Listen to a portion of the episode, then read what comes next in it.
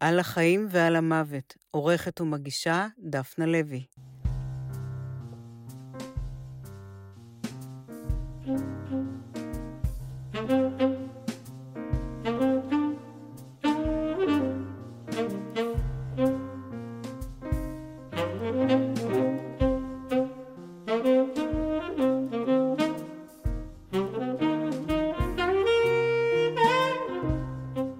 עשרה ספרים, מספר גדול של מאמרים ותסריטים, שנים של עיסוק בפסיכולוגיה, וגם דוקטורט שאומנם לא הושלם, אבל אמור היה לעסוק בדחף המוות אצל פרויד, לא מפתיע שחיים לפיד כורך את חוויות האבל האישיות בחייו עם אלה שהוא מוצא בספרות ועם אלה שהוא מייצר בספרות. השיחה שלנו החלה בזוגתו, עורכת הסרטים ערה לפיד, שחתומה על רשימה ארוכה מאוד של יצירות קולנוע איכותיות, ובשיתופי הפעולה היצירתיים של חיים וערה ובנם הבמאי נדב לפיד, בין השאר בסרט מילים נרדפות, שזכה בפרס דוב הזהב בפסטיבל הקולנוע של ברלין. שוחחנו גם על ההורים של חיים ועל אמו שהונצחה בסיפור מאוד מפתיע שכתב, והאמת היא שהמשכנו עוד הרבה זמן לשוחח על עוד אנשים קרובים במקדש המתים שלו, שזה מושג שיובהר מיד בתחילת השיחה, אבל אלה נשמרו בקובץ נפרד וזמנם לעלות לרשת עוד יגיע. אחד הדברים הראשונים שעלו על דעתי, שחשבתי על העניין הזה, הנובלה של אחד הסופרים, כמו שחששת, בהחלט יש סיכוי שסופרים יופיעו פה, אבל, אני, אבל מבחינתי זה לגמרי חלק מהביוגרפיה שלי. אוקיי. Okay. כלומר, מדובר פה על, על לפעמים על יצירות, על סיפורים שהם פשוט חלק, אה, חלק אני ממך. אני מרשה לך להזכיר כן. יצירות וסיפורים. בדיוק. שהם חלק אה, כן. מהחיים שלך ומהמערך הרגשי שלך, נכון. כל זמן שלא תחמוק גם מלספר. אה, נכון, לא, לא, לא, בוודאי. אז, וזה הסיפור מזבח המתים של הנרי ג'יימס, שמספר על גבר שאשתו מתה עליו, גם אשתי מתה, כלומר, מצבו של אותו גבר במצבים דומים, למרות שאני חושב ששניהם היו יותר כאילו צעירים כשזה קרה, אבל עקרונית זה אותו דבר. והגבר הזה לא מגיב כמו שבדרך כלל קורה ומצופה, בלי להיכנס לאבל ומלנכוליה של פרויד, עדיין הוא לא מסוגל להשתחרר מהאבל, אבל למעשה הוא גם לא רוצה.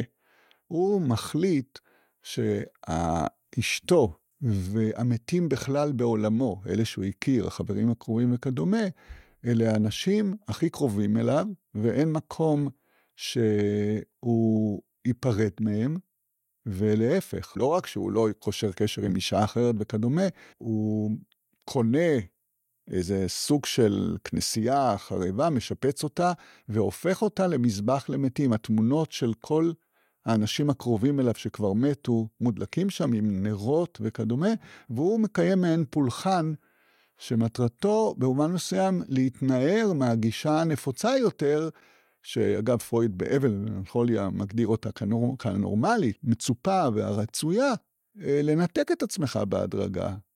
לשכוח, כן, בשביל לחיות, בשביל להמשיך לחיות, לא לשכוח לגמרי. לנתק את עצמך מן האנשים שמתו, כן. או מן העצב הבלתי כן. פוסק שמתלווה ללכתם? לזה הוא מתכוון, כן, כמובן. זה, אין פה צור, כוונה לשכוח אותם לחלוטין, אבל בפירוש לפנות את הדרך לפני יצר החיים שלך. אני אולי אמשיך, לחזור לזה בהמשך, אבל פתאום עלה על דעתי שבעצם, היות והתחלתי להיזכר באנשים הקרובים אליי, ופתאום אמרתי, אולי, אולי התוכנית שלך תשמש פה עבורי כמעין אה, המקדש הזה. ש... מקדש המתים כן. שלי. אני לא חושב שאני, שאני דומה לדמות הזאת של הנרי ג'יימס, אבל ראשית, כל אחד מאיתנו במובן מסוים, יש בו משהו מזה. ואגב, הבמאי הקולנוע, פרנסואה טריפור, שהיה לו צד כזה מאוד קליל בסרטים מסוימים, הוא הומוריסטי וזה, אבל היה לו גם צד די מורבידי ודיכאוני.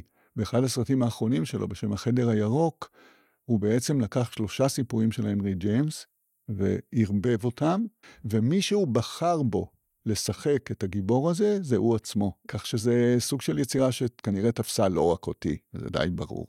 אז אמרתי לעצמי, למה שאני לא אעבור ו... ואספר על דמויות אה, קרובות אליי, אהובות לי, אה, חשובות לי, אני. להבדיל יכול לספר עליהן, והם כבר לא יכולים לספר עליי. אבל, אבל הייתי רוצה בכל זאת כן. שנתחיל באשתך המנוחה, משום שהזכרת קולנוע, משום שלא רק חייתם ביחד, אלא גם יצרתם ביחד, ובכלל המשפחה כולה הייתה נגועה בדבר הזה של הקולנוע. ו... מדובר על נישואים ארוכים, שתחילתן, ב... או ההיכרות בינינו התחילה בגרעין נחל, שבו ממש בסיפורים האיקונים הישראלים של פעם, אם כי הגרעין שהייתי בו היה גרעין פרטי, מה שקרוי. מה זה?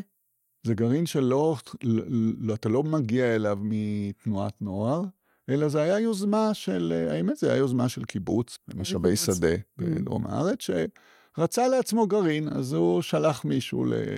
לאסוף אה, אנשים בעיר הגדולה, בתל אביב, והגיע בעיקר לשני מקומות, תיכון בליך ותיכון חדש. אבל מנתניה, שלא הייתה בכלל בעניין, איכשהו, הגיעו שתי נערות צעירות, אחת מהן הייתה ערה, לפ... ערה ברנר, ולא לא לפיד. טוב, אני, אם אני אכנס לכל הפרטים עכשיו, אז uh, החיים יגברו בהרבה על המחוזות הקשים יותר. אולי טוב שזה כך. בתקופה שהיינו ביחד בשירות הצבאי ובנחל, הרי לא מעט ביחד, אבל חלק גם מהבנים יוצאים, האמת שהביוגרפיה שלי מלאה מלחמות לצערי. מכל מקום, הרומן בינינו התחיל למעשה רק אחרי שהיא השתחררה.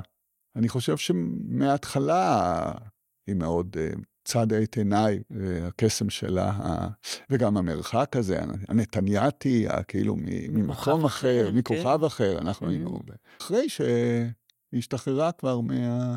כמו שזה קורה לפעמים, פתאום התחבר לי, ואולי גם התחבר לה, שבעצם, בעצם, הנה, זה שם היה, והתחברנו, ואני אולי, ואם כבר אה, אנקדוטה של אותה תקופה, התחלנו, היא גרה בשכירות אז באיזה חדר באיזה מקום בתל אביב. ואני גרתי עוד ברמת גן, בהתחלה, סוף הצבא, עברתי לתל אביב, אני גר בתל אביב מאז שגמרתי את הצבא באמת, או זמן מה לאחר מכן. אז עלו השאלות, בין השאר, את יודעת, זוג צעיר כזה שמתחילים, ואז מטיילים על שפת הים, ולפעמים מחפשים קצת פרטיות, זאת בהחלט הייתה סוג של בעיה, וזה, אבל היא אמרה לי, טוב, אז בוא, בוא, ניסע, בוא ניסע אליי לנתניה. עכשיו, בנתניה, הוריה ניהלו מלון. לא גדול, לא ענקי, אבל גם לא קטנטן. אבל היו בו חדרים ריקים.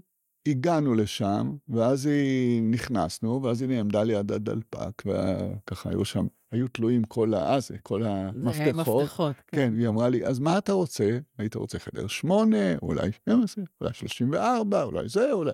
טוב, אני רציתי את כל החדרים. אמרתי לה, את כל החדרים איתך וזה, נעבור מחדר לחדר. הגברים הם תמיד רברבניים, אז uh, ההתרברבות הזאת זה גם מאוד, אבל היה חדר אחד. אז באמת הרגשתי כבר אז מאוד uh, בר מזל בהקשר הזה. לא רק משום הנדוניה הזאת. טוב, לערה היו את הסגולות שאז, כשאנחנו צעירים, עוד אני הייתי טיפוס יותר, אני חושב, מוחצן אז, ותמיד הייתי קצת מאני וקצת זה, והדברים היו אז יותר שקטים, אבל היה שם המון חריפות וכוח שאחר כך התגלו. נפגשנו לעיתים קרובות. בשלב מסוים אה, אביה, אני מספר את הפרטים האדלנאידי האלה, כי הם חלק מ... זה, פתאום, פתאום אני חושב איך זה מתחבר כחלק מהתפתחות של רומן, או לפחות כהעמקה שלו. אביה שלא היה איש נורא עשיר, אבל בכל זאת היה עמיד, קצב את הונו וקנה לכל אחד מהילדים דירה. ואז אפשר היה לקנות לכל אחד מהילדים דירה, גם אם אתה לא ואז פתאום הייתה לה דירה בתל אביב. אז כבר עברתי לגור שם. וכעבור כמה זמן, שגרנו שם ביחד, ויום אחד הלכנו לבקר ידיד קרוב שגר לא רחוק, אלי מוהר, ובאמת היה חבר טוב. ו... ובדרך גלגלנו שיחה על אבא על דני וערה, ואיכשהו עלתה השאלה של האם להעמיק את הקשר. לכלל נישואים, שאז היה מקובל. ואז בעצם אמרתי, טוב, את יודעת מה, מדוע לא? אם יש כבר דירה ויש כבר זה, ומילא גרים ביחד. ואז אנחנו מגיעים לאלי מור, והוא היה הראשון שהתבשר, ותמיד הוא היה מזכיר. זה. הראשון שהתבשר שאתם עומדים להתחתן. בדיוק, הגענו אליו ממש מהזה, ואז הוא שלף ישר איזה משקה ושם משהו בפטיפון ש... להכתיר את זה באיזה קטע מוזיקלי, אבל לא זוכר מה הוא היה, וככה זה. זהו, בכל אופן, ערה הייתה בן אדם שבאמת הכוחות האינטלקטואליים ובעיקר היצ...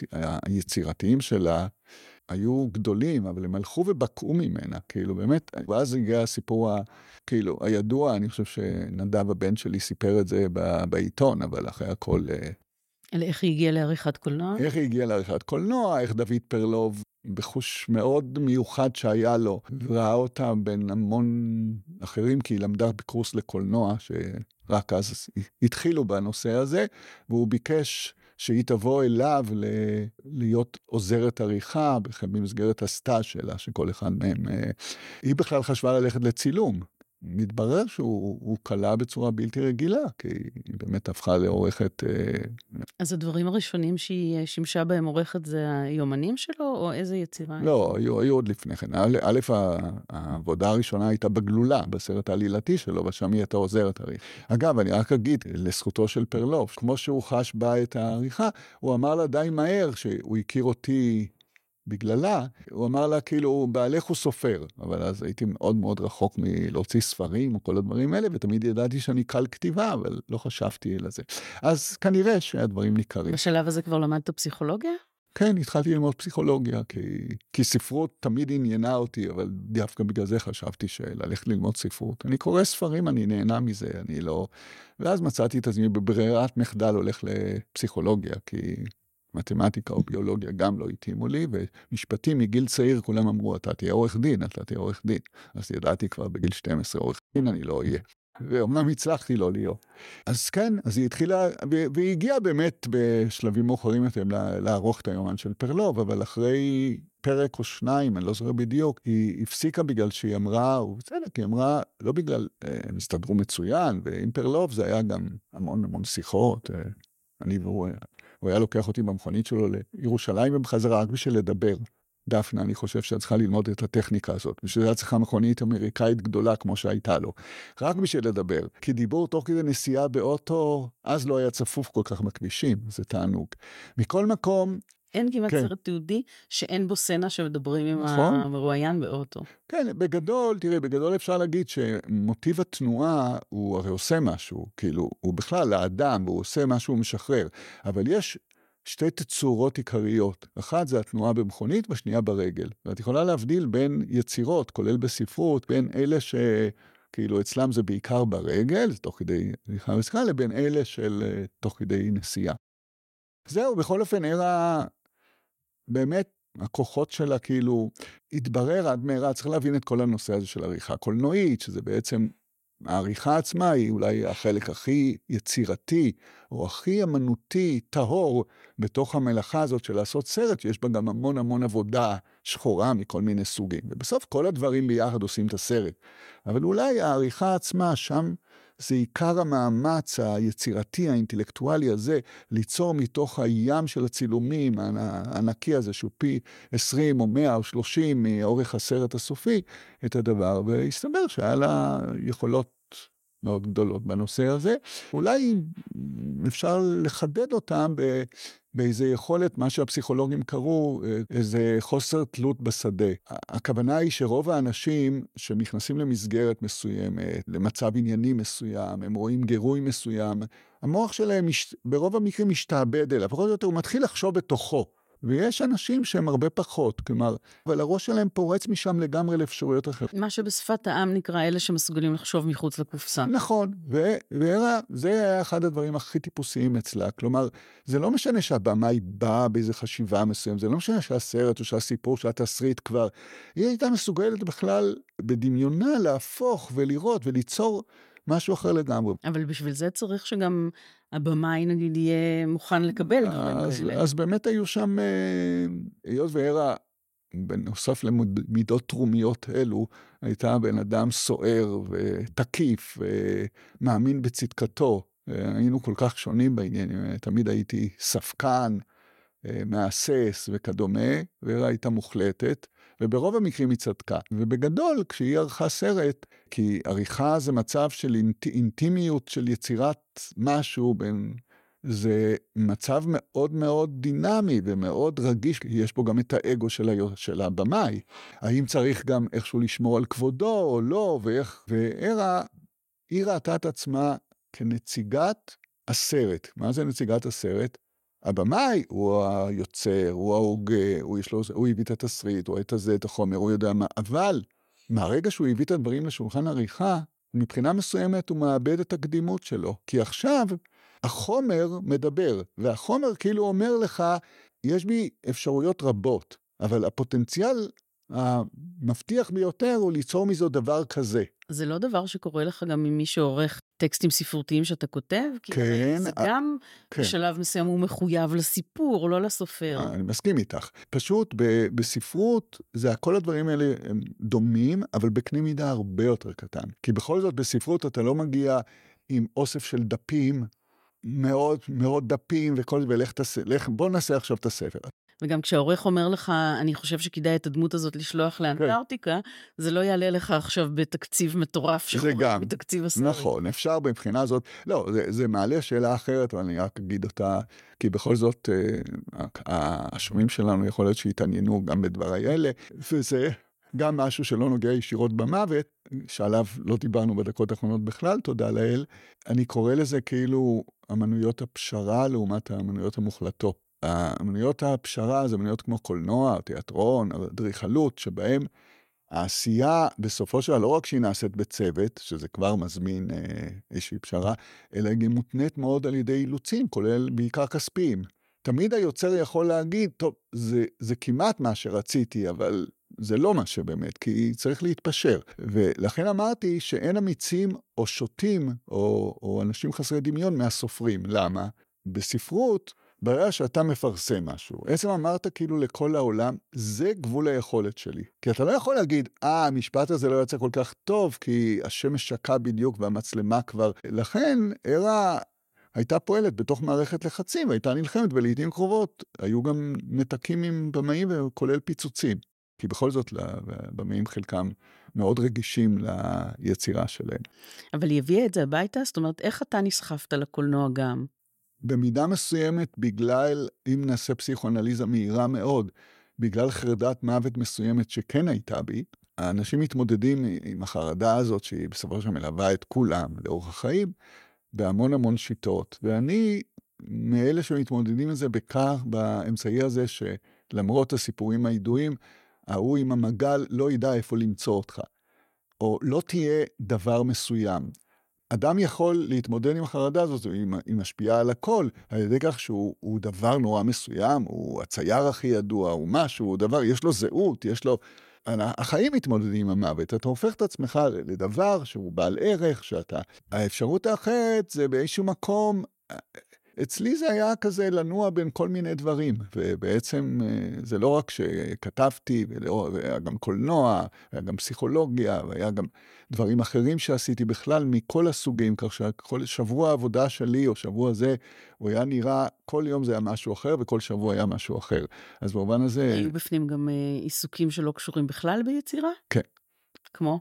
טוב, פה אני חייב בדרך כלל עוד אלמנט שאני לא יודע שעזר לי נגד מהלך המוות, או סתם נגד כל מיני אה, חטטנויות מסוגים שונים, אבל אה, זה לא חטטנות, זה התעניינות כנה בנפקי נפשי, כן. הייתה בדרך כלל למדר.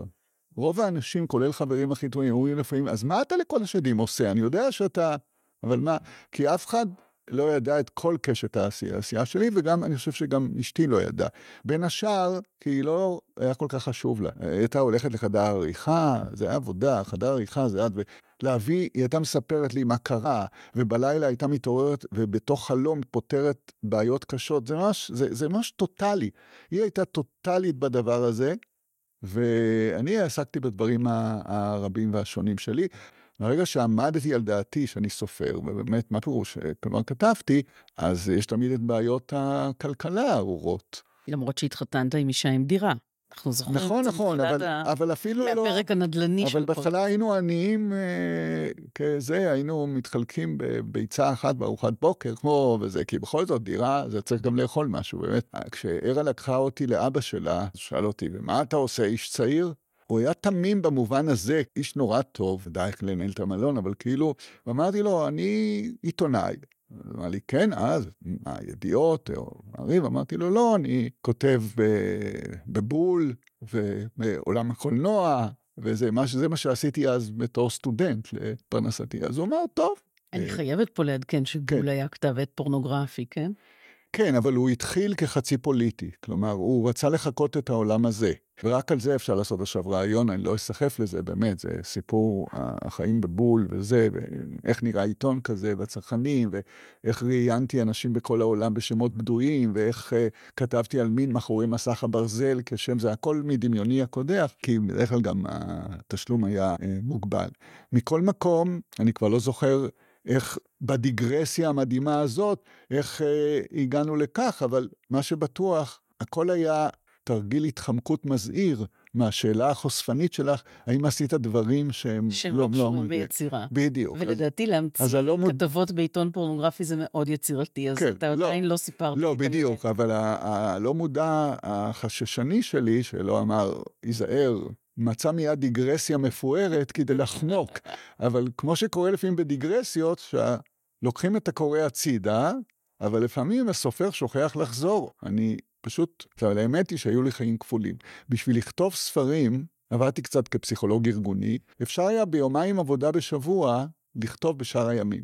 ובבית אצלנו, הבנים שלי, נדב. שהוא במאי קולנוע היום, נדב. ואיתמר, שהוא גם עשה סרט קולנוע, והוא גם אה, זה, אבל במאי, נאמר, נדב שם את כל, את כל הקלפים על הקולנוע, ואיתמר עוסק ב... אולי, אני באמת חושב שאחד המשפטים שאני חוזר על עצמי, אבל... אה, ולאחרונה כתבתי את זה לבמאי רומני, שאיכשהו כתב לי, שאלתי את הבן שלך, מאיפה אני יכול להשיג אבא כמוך? אז אחרי מחמאה כזאת, במאי רומני מצוין, וזה, עלה באיזשהו מקום השאלה של, גם הוא יש לו בנים, ויש לו בעיה מסוימת עם הבן שלו, ואז אני אמרתי לו, תראה, מניסיוני וממחשבתי, הילדים שלנו ברוב המקרים לא בוגדים בנו, מאכזבים אותנו בכך שהם לא עושים את מה שאנחנו חינכנו אותם או ציפינו, הם לעיתים מאוד קרובות מפילים אותנו ארצה ומכאיבים לנו על ידי כך שהם עושים את מה שאנחנו רצינו מהם, אבל הרבה יותר מדי. השמאלן התל אביבי מחנך את הילדים שלו לרוח שמאלית וזה, והילד הופך להיות בקצה הכי... גם אצלי, הבנים שלי, אחד, אחד הבן הצעיר, הוא יותר דומה בהתרוצצות שלו בכל מיני אלמנטים, ופשוט הם עושים הרבה יותר מדי, אז הוא חי במנילה.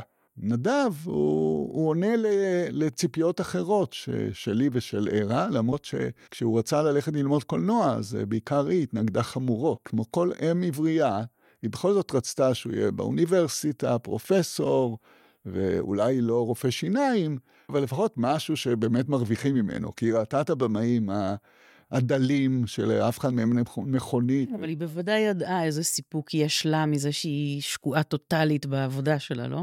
אה, לא, מאוד, אבל, אבל באמת, ההתנגדות שלה, ערה לא הייתה משחקת משחקים. אני ישר הייתי כאילו, גם אמרתי איך אני יכול למנוע בזה, אבל היא ניסתה, אבל, כי הוא למד פילוסופיה ו, והיסטוריה מאוד בהצלחה, אבל עזב את זה כי באיזשהו שלב נזכר ב...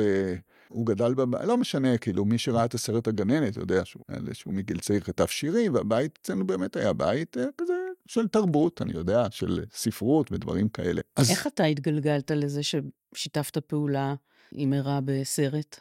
כל השנים האלה היה לי פלירט מאוד משמעותי עם קולנוע.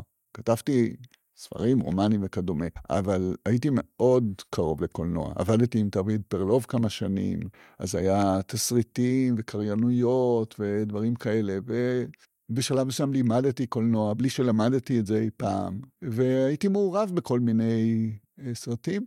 עם ערה, אחרי הרבה שנים של עריכה, שמדי פעם עלה השאלה כזאת, כאילו, אני חושב שאצל אורחים זה אולי יום אחד אני אעשה סרט וכדומה. והיו לה כל מיני רעיונות, אבל הם לא, לא הבשילו, חלקם מאוד מעניינים. ואז מישהו סיפר לי סיפור שקרה לו לפני שנים ועד 20 שנה קודם, ועד, ועד עכשיו הציק לו באותה תקופה שהוא סיפר. מישהו שלימדתי אותו פעם משא ומתן 100 שנה קודם, והוא זכר אותי. פגש אותי כדי, כדי שאני אכתוב רומן על זה. זהו ספר תיעודי, כי הסיפור הוא אמיתי. פה זה היה על גננת שהאשימו אותה שהיא התעללה באחד מילדי הגן, והיא ישבה במעצר, היא זוכתה, ואחרי שכל ה... הייתה חגיגה תקשורתית אדירה, כאילו, על המפלצתיות שלה, היא זוכתה לחלוטין. אה, אבל לא הצליחה לשקם את חייה. חייה נהרסו לחלוטין רק מעצם ההאשמה הזאת. הוא סיפר לי את זה, ואני אמרתי, זה, זה יכול להיות, אה, אני יכול לעשות ספר תיעודי מזה, אבל זה מתאים מאוד לסרט. ואז פניתי לערה ושיתפנו פעולה. קולנוע תיעודי תמיד היה מאוד קרוב לשנינו. ראשית, ערה, שהייתה עורכת של סרטים עלילתיים ותיעודים, הגדולה שלה באה לידי ביטוי בצורה הכי חריפה בסרטים תיעודיים מסיבה פשוטה. סרט תיעודי הוא ממש מחייב עריכה מלאת יוזמה, עוצמה, אה, יצירתיות וכדומה, היות, והוא כמעט ולא נשען על תסריט. הרבה פעמים מגיע במאי עם ים של חומר, והוא באמת, באמת חסר אונים. אז פה העורך הוא הרבה פעמים באמת באמת יוצר את הסרט. ואז באתי לערה עם הרעיון הזה, וזה באמת אה, נשמע היה מאוד מעניין. ובילינו כמה שנים ב- בלהגשים סרט, אה, המפיקים התחלפו באמצע, ההצהרות הרגילות. הגננת, גיבורת הדבר, לא רצה לשתף פעולה. האנשים הרעים בסיפור לא רצו לשתף פעולה. ההורים שמיד לקחו את ילדיהם, כל האנשים האלה לא רצו לשתף פעולה. אנחנו מצאנו פתרונות בלתי רגילים וזה יצר, אה, כך אומרים, סרט, אה, סרט מצוין, ועשינו אותו ביחד, אבל בסופו של דבר היא הובילה את, ה, את הבימוי ובעיקר את העריכה, ושם יכולתי, הכרתי את העריכה של ערה מזה שנים, אבל פתאום בדבר שאני הייתי מעורב, שגם היא עצמה, זה היה יוצא מהכלל לראות את הפתרונות שהיא יצרה. טוב, בתקופה הזאת היא גם במקביל התחילה לערוך את הסרטים של נדב. של בנכם. של בנינו, שזה גם סיפור, כאילו לא, לא כל ילד ייכנס עם אמו לחדר עריכה. זה... איך זה בכלל נולד הרעיון הזה? נדב מתחילת דרכו, גם אה, כאילו, הוא נעזר בהוריו באופן הכי טבעי. כלומר, אם היה לו איזה תסריט, זה לא הכי טבעי. לפעמים ילדים הרי יהיו מוכנים לדבר עם כל אדם על הזה, הרבה אמרו לי את זה, מה, אני, אני, אני, או אני מעריץ אותך, איך עשית את זה, ובכלל, איך עושים? אני מדבר עם ההורים שלי על הכל וזה, אבל שיתערבו לי עכשיו ב... במיוחד שהסרטים גם נוגעים בדברים אינטימיים, ולפעמים אישיים, לפעמים על המשפחה, ו... אבל אצלנו, בגלל העניין האמנותי הזה, היה כאילו מין הפרדה כזאת. זה אמנות, זה לא משנה שאני יכול לזהות פה אותי או אותם, זה לא אני, זה... במסגרת העיסוק הזה, המשפ... כלל משפחתי באמנות, ערה גם הייתה מעורבת בכתיבה שלך? הרי העין של העורכת בוודא... היא יכולה להיות בוודאי. באותה מידה גם על, על ספרות. אבל פה נכנס הטבע שלי. בדרך כלל, כש... כשכתבתי ספר, מעטתי מאוד לחשוף אותו לאנשים אחרים. אני חושב שכל סופר פה בכלים שלו, בצרכים שלו. הדוגמה הכי חזקה פה זה בספר שלי בשם פשע הכתיבה, שהוא נולד בעקבות משהו שקרה לערה בלונדון, איש אנגלי מבוגר סיפר לה במסעדה משהו על חייו כמה דקות על חייו, סיכם את חייו, וזו הפעם האחרונה שהיא ראתה אותו. והיא סיפרה לי על האירוע הזה, שקיצרתי אותו עכשיו מאוד. ואתה הבאת אותו כסצנה הפותחת של הספר. בדיוק. כשאני כעבור שנתיים נזכרתי בדבר הזה, והפכתי אותו לסצנה הפותחת, וכאילו האיש הזה עכשיו שלח לנו אליה מכתב שבו הוא מפרט את הכל. אז כלומר, זה משהו שנוצר ממש מדבר שהיא הביאה, וגם היא שכחה באותו אותו בינתיים. אגב, אני חייב להגיד, או לזכותה, או, לר... או לחובתי, שהיא לא הייתה שואלת אותם, היא ידעה שאני כותב. אני לא יודע אם זה לא כל כך עניין אותה אחרי הכל, בוא נגיד, כלומר, היא הייתה מאוד עסוקה, שוב, בעולם של העריכה. יכול להיות שאם היא הייתה שואלת, הייתי אומר לה משהו, אבל אני לא זוכר, כנראה שגם שידרתי ש... אבל ברגע שגמרתי, וזה היה נכון לגבי גם ספרים אחרים, האדם הראשון זה הערה. אבל אז, במקרה הזה, היא הייתה באמת בהלם. פתאום החייתי את הפרשה הזאת, ו... כתבתי בעצם תולדות חייו הבדויים של אותו אדם, וזה אפילו לא הסתיים בכך, כי כשנסענו ללונדון ופריז, שנתיים אחרי זה, וזה בינתיים תורגם לאנגלית ולעוד כמה שפות, אמרתי לה, יש לנו כרטיס ביקור של האיש הקשיש הזה, ואם הוא עדיין חי... של האיש האמיתי. כן, האיש האמיתי. כן. נגיע ללונדון, יש את כרטיס הביקור שהוא השאיר לה, ונביא לו פתאום ספר שהאישה הזאת, הצעירה, שכל הזמן אמר לה, יש לך שיער מאוד יפה, גברתי, באנגלית כמובן, בסדר, ולעיר היו, היה שיער מאוד יפה, והיא הייתה אישה מאוד מאוד יפה. זהו, אנחנו התכוננו לבוא אליו ולעשות, אמנם בלי מצלמה, כי דבר כזה צריך לצלם ישר לקשת או רשת או איזה, אבל מעשה שטן, במטרו, היינו קודם בפריז, כדרך המטרו, כיסו אותה.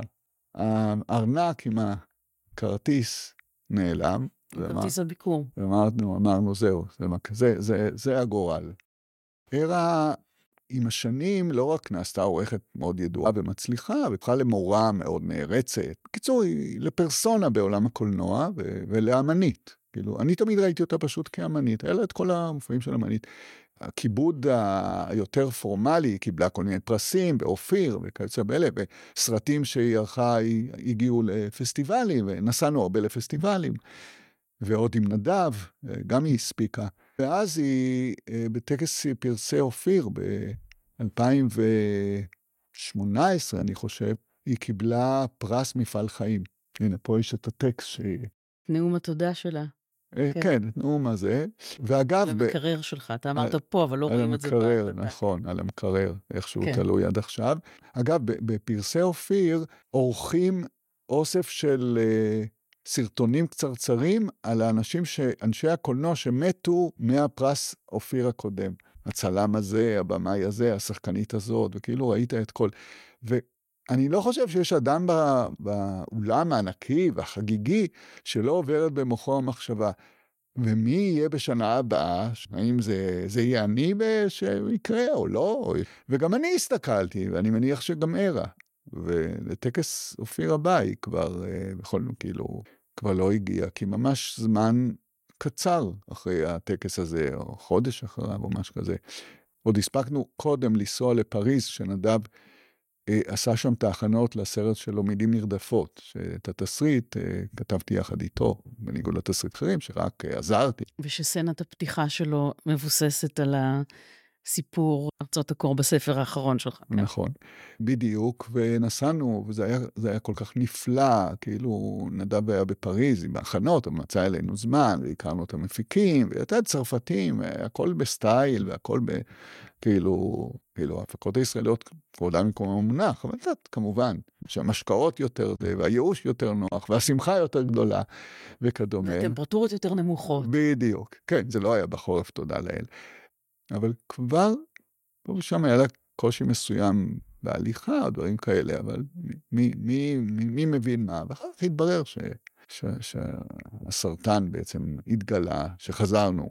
רגע, לפני שאתה כן. מספר את הסיפור, אני יודעת שזה לא נקודה טובה לעצור אותך, אבל אני רואה מפה באמת את הדברים אה, שהיא כותבת שם, ונורא נוגע לליבי שיש כאן פסקה שבה היא אומרת, בסרטים שערכתי ניסיתי לתרום, ולו גם תרומה צנועה ליצירת חברה שוויונית יותר, צודקת יותר, פתוחה יותר לביקורת, כופה פחות, שטופה פחות בלאומנות שנאה ולא כובשת. כן, כן, היא הייתה... לא, לא עמדתי על העניין, על הצד הזה, כי למרות שהפודקאסט שלך הופך להיות, ל... זה בסדר גמור.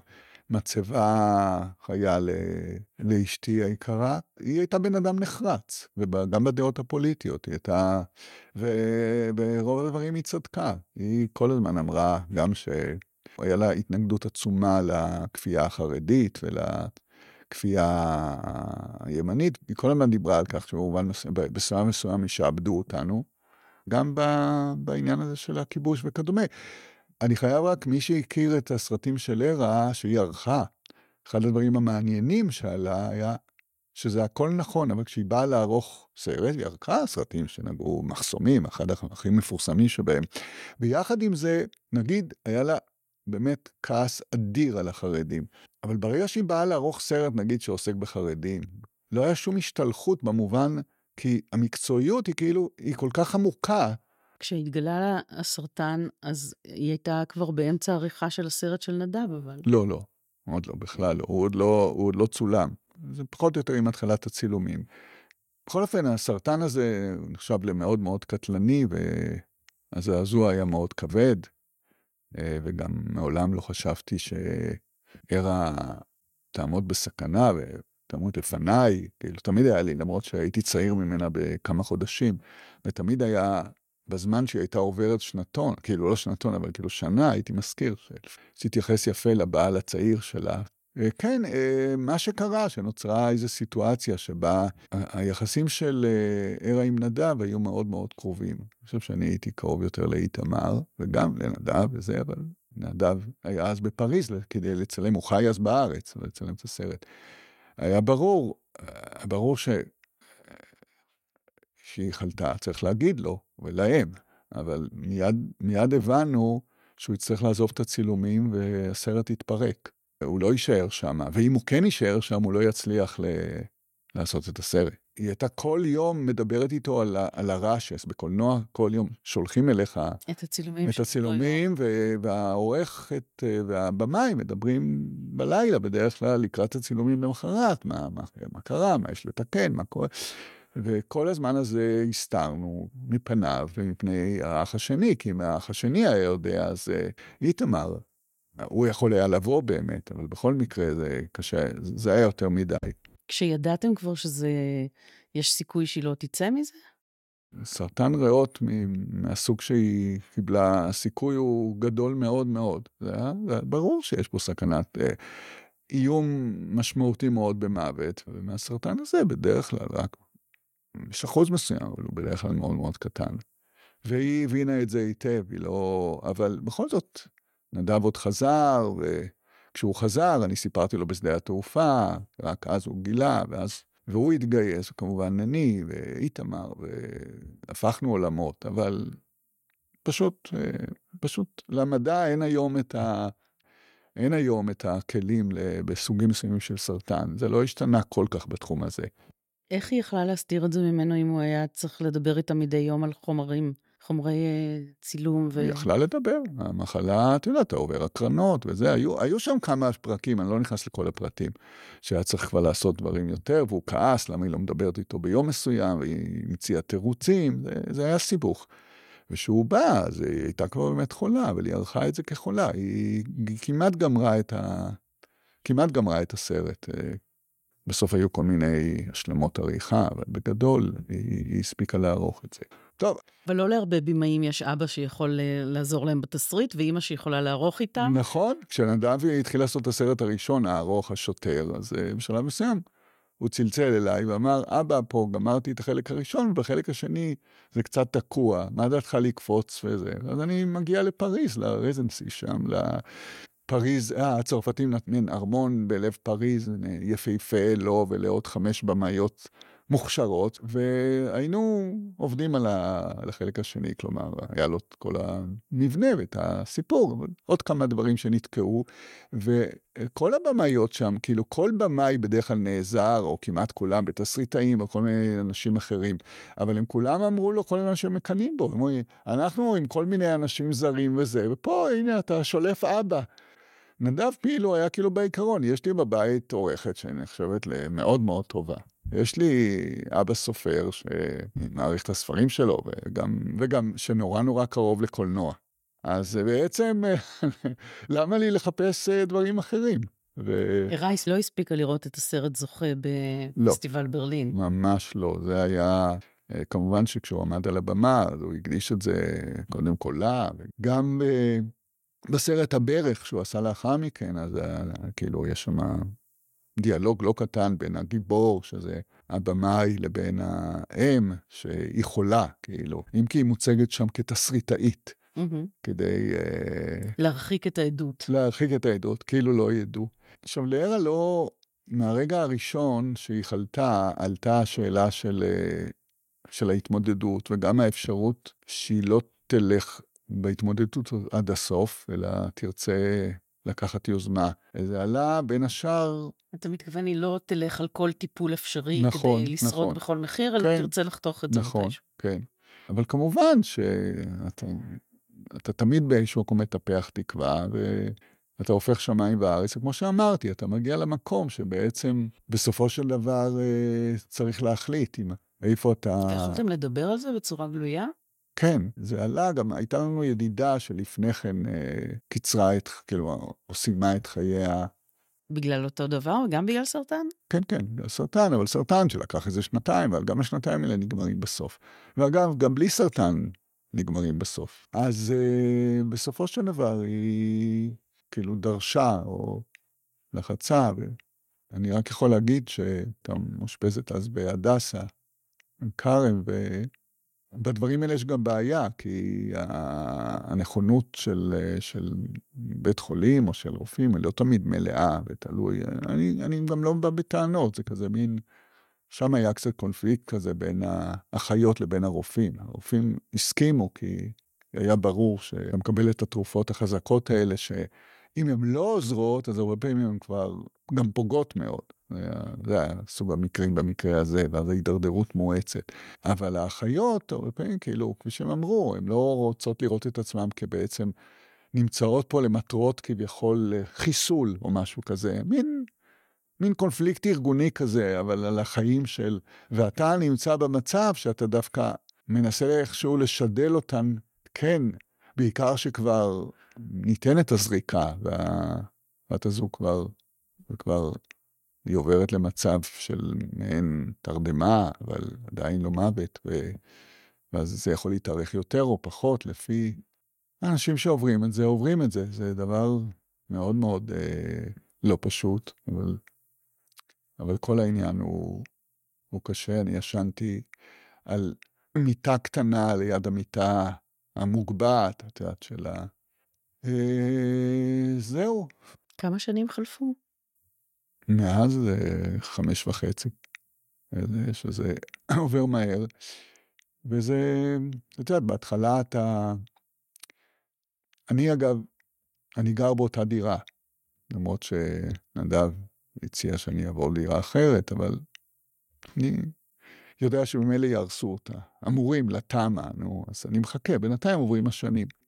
בתקופה שהיא חלתה, אז באיזשהו שלב עברתי מהחדר המשותף שלנו לחדר של בני הצעיר לשעבר, וישנתי שם, הוא קרוב.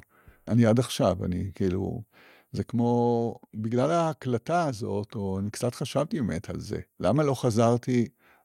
חדר השינה המשותף? כן, כי הוא גם, המיטה, כי בכל זאת הוא יותר נוח, או כל מיני דברים כאלה. האם זה כבוד? האם זה פחד? האם זה, אני לא יודע בדיוק מה להגיד, אבל כאילו, אני לא מסוגל לחזור למיטה הזאת המשותפת. לכן מאז אני ישן על, אה, על מיטה אחרת, אבל את יודעת, בשלבים הראשונים, אחרי הזעזוע של המוות והפטירה, אז, אה, אז אני חושב שכל התהליך הוא בהתחלה מאוד מאוד חושי עדיין, הוא, הוא כמעט, הוא קשור מאוד למערכת החושים, לא רק לזיכרונות וכדומה. למשל, הייתי לעיתים קרובות בלילה, אני ממשיך לישון בחדר הסמוך לחדר שהתרוקן בינתיים, ופתאום הייתי שומע את קולה, כי כשזה, אז מדי פעם היא הייתה קוראת, לפעמים גם באמצע הלילה, מתוך מחלתה או משהו כזה, מחלתה, והייתי, אז אתה פתאום, פתאום כאילו, המוח שלך מייצר לך את הקריאה הזאת, זה פשוט, ואתה כאילו כמעט רוצה לקום, אתה מכריח את עצמך להישאר, או שאתה יוצא לרחוב, היות והיינו הרבה פעמים מסובבים פה את כיכר המדינה. ש... עושים הליכות ברגל. כן, אבל זה הליכות שככל ש...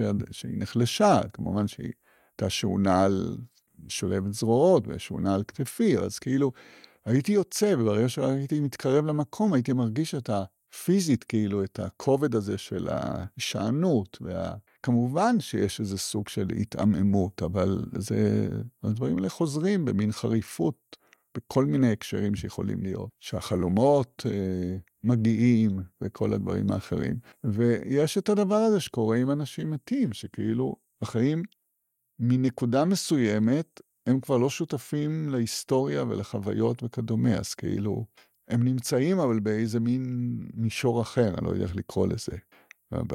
הם נמצאים בהיסטוריה שבו זה לא קרה. אני גם חייב להגיד ש... הרבה היינו נפגשים פה בארץ, שעוד כולם היו בארץ, תמיד בשבתות, לא שהכל היה על מי מנוחות, אבל היה הרבה אושר והרבה דברים מוצלחים וכדומה.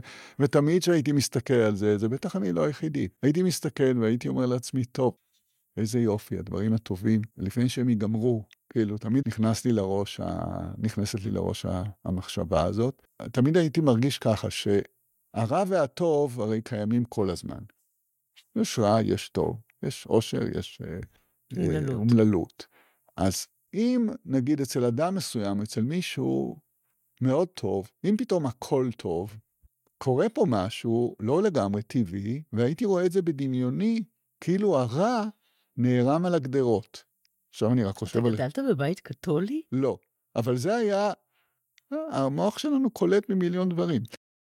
אבל זה היה הדימוי שהיה לי, כמעט על החומה, כאילו, הייתי רואה בדמיוני, כי הרע, בדרך כלל זה אמור להיות מעורבב. כאילו נגיד הפרדת בכוח, אבל האלמנטים רוצים להתערבב שוב. ואז ברגע מסוים זה יקרוס, זה חייב לקרוס. ואז נתקלתי בסיפור החצי מיתי הזה על המלך, אפילו לא זוכר מאיפה, אבל הוא מלך חזק ועשיר והכל טוב, יש לו חבר, חבר טוב, אבל יותר עני, גם כן מלך, יותר, הכל צנוע יותר, והם מתכתבים. והוא מספר קרוב היום למלך העני יותר. פחות אולי מאושר, כמה, כמה באמת טוב לו וכל מיני דברים. והוא אומר לו ברגע מסוים, תשמע, זה ממש מסוכן. אומר לו, מה, מה מסוכן? זה לא, זה לא טבעי. אתה צריך שיקרה לך גם משהו רע. אז המלך העשיר הולך, לוקח את הטבעת הכי יקרה שיש לו בממלכה, משהו ממש, וזורק אותה לים. ואז הוא כותב לחבר שלו, ואומר לו, אז הוא אומר לו, אה, טוב, יופי, טוב עשית וזה. וכעבור איזה חודש, המלך העשיר אוכל את ארוחת פת הערבית שלו, ופתאום השן שלו נוקשת בעוצמה, באיזה משהו כמעט נשברת, והוא מתחיל להוציא מהדג שהוא אוכל, והוא נתקל בטבעת. הטבעת שהוא זרק לים. אז הוא ממהר לכתוב על זה לחבר שלו. ואז החבר שלו אומר לו, המלך הזה, אומר לו, צר לי מאוד, אנחנו, תמיד אהבתי אותך ואנחנו חברים טובים, אבל אני מרגע זה חייב להתרחק ממך ולא נוכל להיות... יש עליך קללת טוב. כן, הוא אומר, אתה צפוי לדבר נוראי ואני פשוט לא אעמוד בזה, אני, אני מעדיף כבר עכשיו. ובאמת, המלך הזה מסיים כעבד ב... אז אה, לא המצאתי שום דבר, אבל תמיד היה לי את ה... לא יודע מאיפה, על הזמניות הזאת של הטוב. אגב, גם הרע, אה, לפעמים, גם כן, יש, יש לקוות. לפעמים נדמה לך שעליו זה לא פועל, אבל בדרך כלל יקרו גם דברים טובים. שהטוב גם כן אה, מתדפק על הגדרות. כן, אני חושב שכן, כן. האם כי אולי לפעמים הוא קצת יותר נימוסי, וקצת דופק על הדלת. הוא הססן והרע זה הנחרץ. בדיוק. העובדה שהמוות הטריד אותי, היא, היא גם, אני יודע אותה מכמה הוכחות. למשל, היה לי חלום בגיל די צעיר, שבו המוות נעלם, כלומר מצאו איזו תרופה, מצאו משהו, שכל מי שמקבל אותה, כמו אולי הרבה לפני הקורונה וזה, זהו, אין מוות. ואני בחלום מרגיש מן הקלה נורא גדולה. אבל החלום שלי ממשיך, והוא ממשיך למצב שבגלל הדבר הזה אף אחד לא מת, ומתחיל להיות איזה פיצוץ אוכלוסין נוראי ובעיה. אז הממשלות מחליטות שכל שנה צריך לחדש את האישור הזה, או את, ה, את התרופה הזאת, היא לא כזאת לכל הזמן, וכל שנה הן דואגות שאיזה עשרה אחוז לא יקבלו את זה. בחלום הזה אנשים המשיכו להזדקן אבל? אני לא זוכר, אם כי זו שאלה מעניינת, כי יש סיפור במיתולוגיה שנוגע לזה, אבל uh, על האהוב של תטיס, אלת השח. שביקש חיי, היא ביקשה בשבילו. היא ביקשה חיי, חיי נצח. נצח, אבל הוא המשיך להזדקן. לא, כי היא, שכח, היא שכחה, מאז אני לימדתי, הייתי מלמד את זה במשא ומתן, אם אתה שורח סעיף בחוזה. היא שכחה לבקש מזהוס, נכון. שהוא לא יזדקן. וזהוס היה חתיכת ערמומי. נכון, נכון, כן. נכון, בדיוק. אז, אז היה לה אותו לחיינר, אבל הוא הפך, ואז היא הפכה אותו לצרצר, כי הוא כבר לא נראה כמו גבר. בחלום שלי, לאט לאט, מהשחרור ותחושת ההשתחררות מהמועקה, פתאום אני חזרתי למקום שכל הזמן אנשים מודאגים. האם אני, האם אני אצליח לקבל את, ה, את האישור? אולי צריך למצוא איזה עזרה, פרוטקציה, משהו, ובעצם בסוף החלום המוות חזר בדרך אחרת. זה סוג הדברים שהעסיק אותי, ופעם ביקשו ממני כתבה היה אז את uh, עיתון פרוזה, והם הוציאו מהדורה של פרוזה, קראו לה פרוזה שחורה, שבעצם כאילו הנושא היה אמנים שמבטאים משהו, את יודעת, משהו שחור, משהו אפל. אז אני כתבתי הנושא השחור ביותר, והוא עסק כולו במוות לכל גלגולה, והתזה המרכזי הייתה, היום אני חושב שהיא אולי מוטעית, שכל מיני סיפורים על חיי נצח שיש בארצות שונות, תמיד מסת, מסתכמים בכך שבסוף האדם שלא יכול למות, הוא מבקש את נפשו למות, הוא מנפץ את, את גולגולתו לסלעים, הוא זה. ואני אמרתי שזה שליטה מחוכמת בחרדה. כאילו, הנה, אני בכלל, אני הופך את זה למסעת נפש. כן, זה עדיף. בדיוק, זה עדיף. ותמיד חשבתי על מרק טוויין, שאמר אה, את המשפט המאוד חמוד, בכלל, אחת הדמויות בפנתיאון האישי שלי, שכולם מדברים על מזג האוויר ואף אחד לא עושה שום דבר בנושא. ואני אמרתי לעצמי תמיד, אה, אז כשאתה חושב בכיוונים האלה של המוות, אתה אומר, אה, זה ברור שמה שהוא התכוון זה המוות. אגב, היה לו חרדות גדולות, אבל למי לא? אבל בעיקר בסוף חייו, כמה מהספרים שלו הם נורא אפלים אז. הרי המשפט הזה מאוד מתאים למשפט, כולם מדברים על המוות ואף אחד לא עושה שום דבר בנושא. כי זה לא לגמרי מדויק. גם על מזג אוויר זה לא לגמרי מדויק. על מזג אוויר זה נורא מצחיק. כשהוא אמר את זה, אז זה באמת, אה, זה, זה כאילו, מה תעשה עם מזג אוויר? היום זה כבר, אנחנו יודעים ש, שעשינו ועוד איך. זה באשר ל, לאשתי, שזה תם ונשלם ולא נשלם, אה, ואולי נשלם בסוף רק שגם מי שמכירים ומוקירים הולכים לעולמה. כמו שקורה בתחומים אחרים, אז גם על המתים בסופו של דבר יש, יש מתים עם הרבה סיפורים מסביב, נכון? מתים שהשאירו כתבים, מתים ש... ויש מתים שכביכול יש נורא מעט, ורק האנשים שממש קרובים אליהם נושאים את... אה, לגבי מי, אני אגיד בשתי... אבי היה חולה כמעט כל השנים שהכרתי אותו. היה לו קצרת, ואחרי זה נוספו עוד מחלות וכדומה. תודות לו אני הכרתי המון ספרים, הוא ניהל ספרייה בבית החרושת שהוא עבד, ודברים מהסוג הזה. איזה. בית חרושת? יצהר. הייתה בית החרושת ספרייה, זה נכון, מעניין. הוא, הוא הקים אותה. הוא היה בתקופה מסוימת יושב ראש חבר הוועד העובדים, אבל לא כזה מיליטנטי, וזה, ואחר כך הוא פשוט, לצד העבודה, הוא ניהל ספרייה. ואחרי מותו, בין הרגעים הכי מרגשים שהיו לי, כאילו הכי... את יודעת, אתה עובר את השבעה ואתה קצת מתפוגר, ואחר כך פתאום זה תוקף אותך, אבל מדי פעם מגיע טלפון, וטלפונים שהכי איכשהו זעזעו, לא זעזעו, אבל כאילו הרעישו את נפשי, עדיין חבולה, הייתה שהיה מתקשר מאדם כלשהו מנחלת יצחק, כי זה שם זה היה, כי גם אנשים בשכונה היו מחליפים שם. ופתאום מישהו היה מתקשר, והיה אומר לי, אתה יודע, אני ביקשתי את הטלפון שלך להגיד לך שאבא שלך, תמיד הייתי בא לספרייה שהוא הקים שם וכדומה. ובזכותו גם אני הכרתי את כל ז'ול ורן ואת כל ספרי... והספרייה המשיכה לפעול אחרי מותו? אני לא יודע, אני אולי זמן מה, אבל אני לא יודע, לא, לא עקבתי אחרי זה, אבל בזכותו גדלתי על כל ספרי ההרפתקאות הכי טובים שיש, שהם כולם עומדים בבסיס הספרים שלי. הספרים כן. שלי הם תמיד יושבים את הצד של המדח וההרפתקה, עם כל התוספות, כמובן האחרות וזה.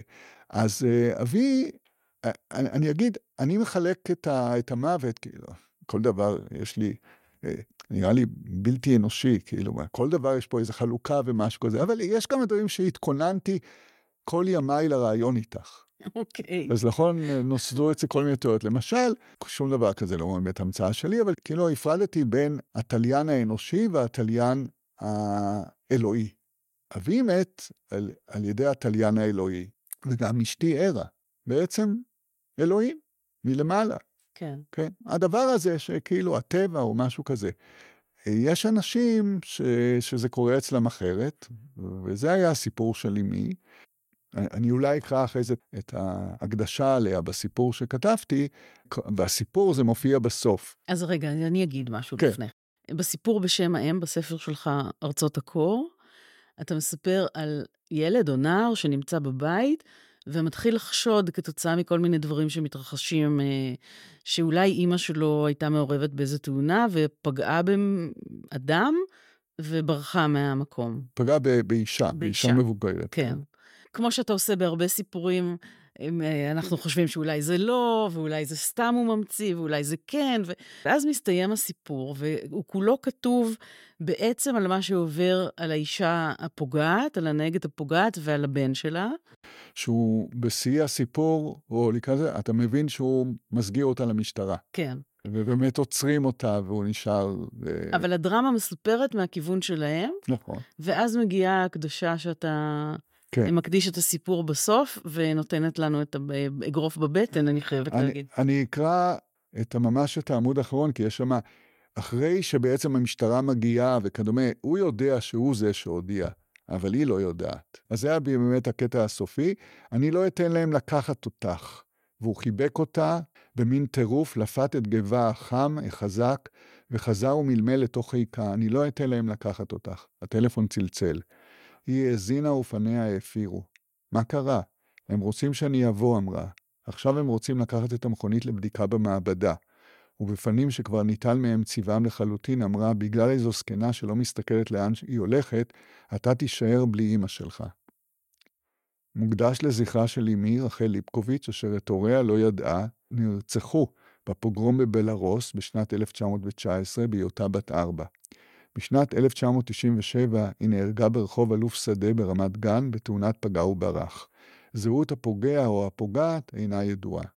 אז איך אתה, מכל הדברים בעולם שקשורים להלם הזה, שאימא שלך מתה בתאונה שמישהו פגע בה נס משם, לא הזמין טיפול רפואי, לא, וכל הדבר המזעזע הזה, איך אתה מתוך כל זה כותב דווקא סיפור מנקודת המבט של הנהגת הפוגעת? כן, היא מידה לא קטנה של כאילו, לא אמפתיה ממש, אבל כאילו הבנה של הבן אדם מן היישוב שזה קורה לו, לא, לא כמפלצת כלשהי או משהו כזה, למרות שמה שהיא עושה חורץ את דינה של אה, נפגעת אה, למות. כן, אתה יודע שאפשר היה להציל ילדים? לא בטוח, אבל היא שכבה, היא שכבה בצד הכביש, זה היה שעה מאוד מוקדמת, אז לכן היא שכבה עוד אה, 20 דקות לפחות, או משהו כזה, וזה יכול להיות קריטי. כן. אני לא יודע בדיוק אם היא הייתה ניצלת או לא, אבל זה, זה, זה אפשרי. זה אפשרי מאוד. טוב, זה קשור קצת ל, ל, כנראה למבנה הנפשי שלי או דברים אחרים, וגם ל, ל, ל, לנקודת המבט הספרותית. כי נגיד נפשית, אז שתי אחיותיי, כולנו עברנו את אותו דבר, הן היו מאוד פעילות אחר כך עם המשטרה ובניסיון לעודד אותה לחקור, וזה, המשטרה לא התעסקה בזה הרבה. המשטרה לא, גם אישה קשישה שנדרסת, ו, אה, ואני כאילו נקטתי מין עמדה כזאת, אמרתי להם, זה בסדר גמור, אבל אני לא, לא רוצה להתעסק עם זה, כאילו זה לא יחזיר את אימא, ואני... זהו, ועברו די הרבה שנים. הכאב היה אדיר, כאילו להגיע לבית החולים.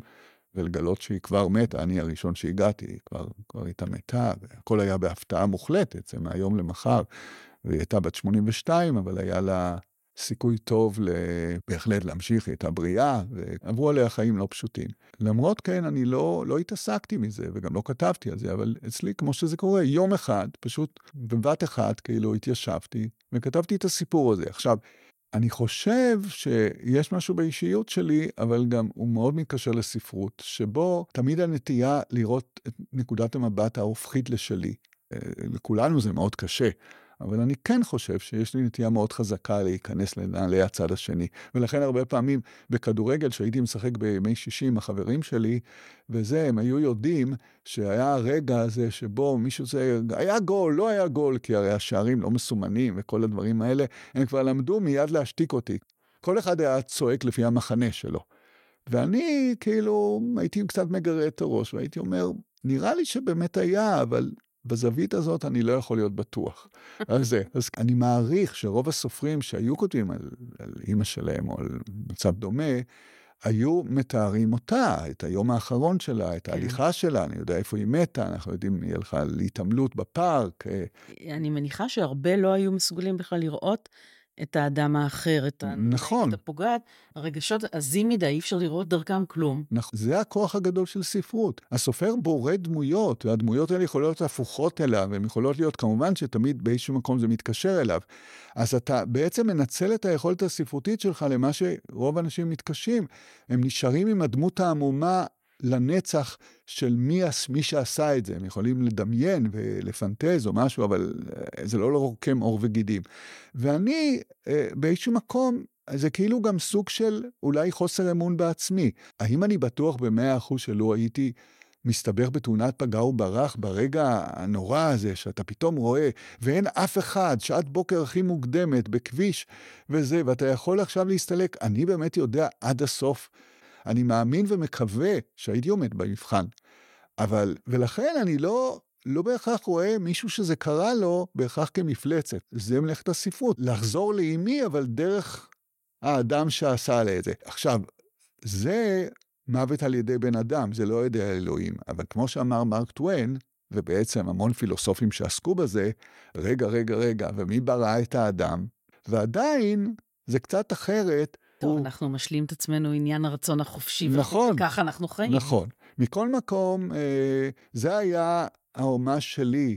יש לך את היכולת, אולי של לאנשים שהם לא אנשי ספרות, והם מתאבלים וכדומה, והם מדברים, אבל פה, פה באמת הרגשתי שגם יכולתי להנציח את, ה, את האירוע הזה ואת אה, שם אמי. אה, ואבי מת בבית החולים, שבגלל שהוא במהלך החיים המון פעמים הוא היה מאושפז, והיה חוזר לעבוד והכל, ואתה מתרגל כמו כל דבר.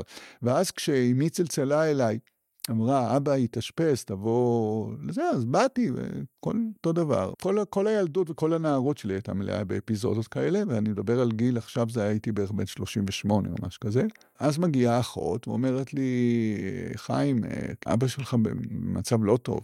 אז אמרתי לה, אה, כן, ואני מסתכל עליה קצת בחוסר עניין, אבל אתה יודע, הוא במצב באמת לא טוב. ואני אומר לה, כן, אבל בסדר, אתה יודע, לא הכל אנחנו יכולים לעשות, אני בסדר, אבל תעשו מה שצריך, כי זה, ואז כעבור עוד איזה שלוש דקות היא אומרת לי, אבא שלך מת, אתה לא מבין, אבא שלך מת, כי האידיוט הזה שהיא פשוט לא מבין שום רמז.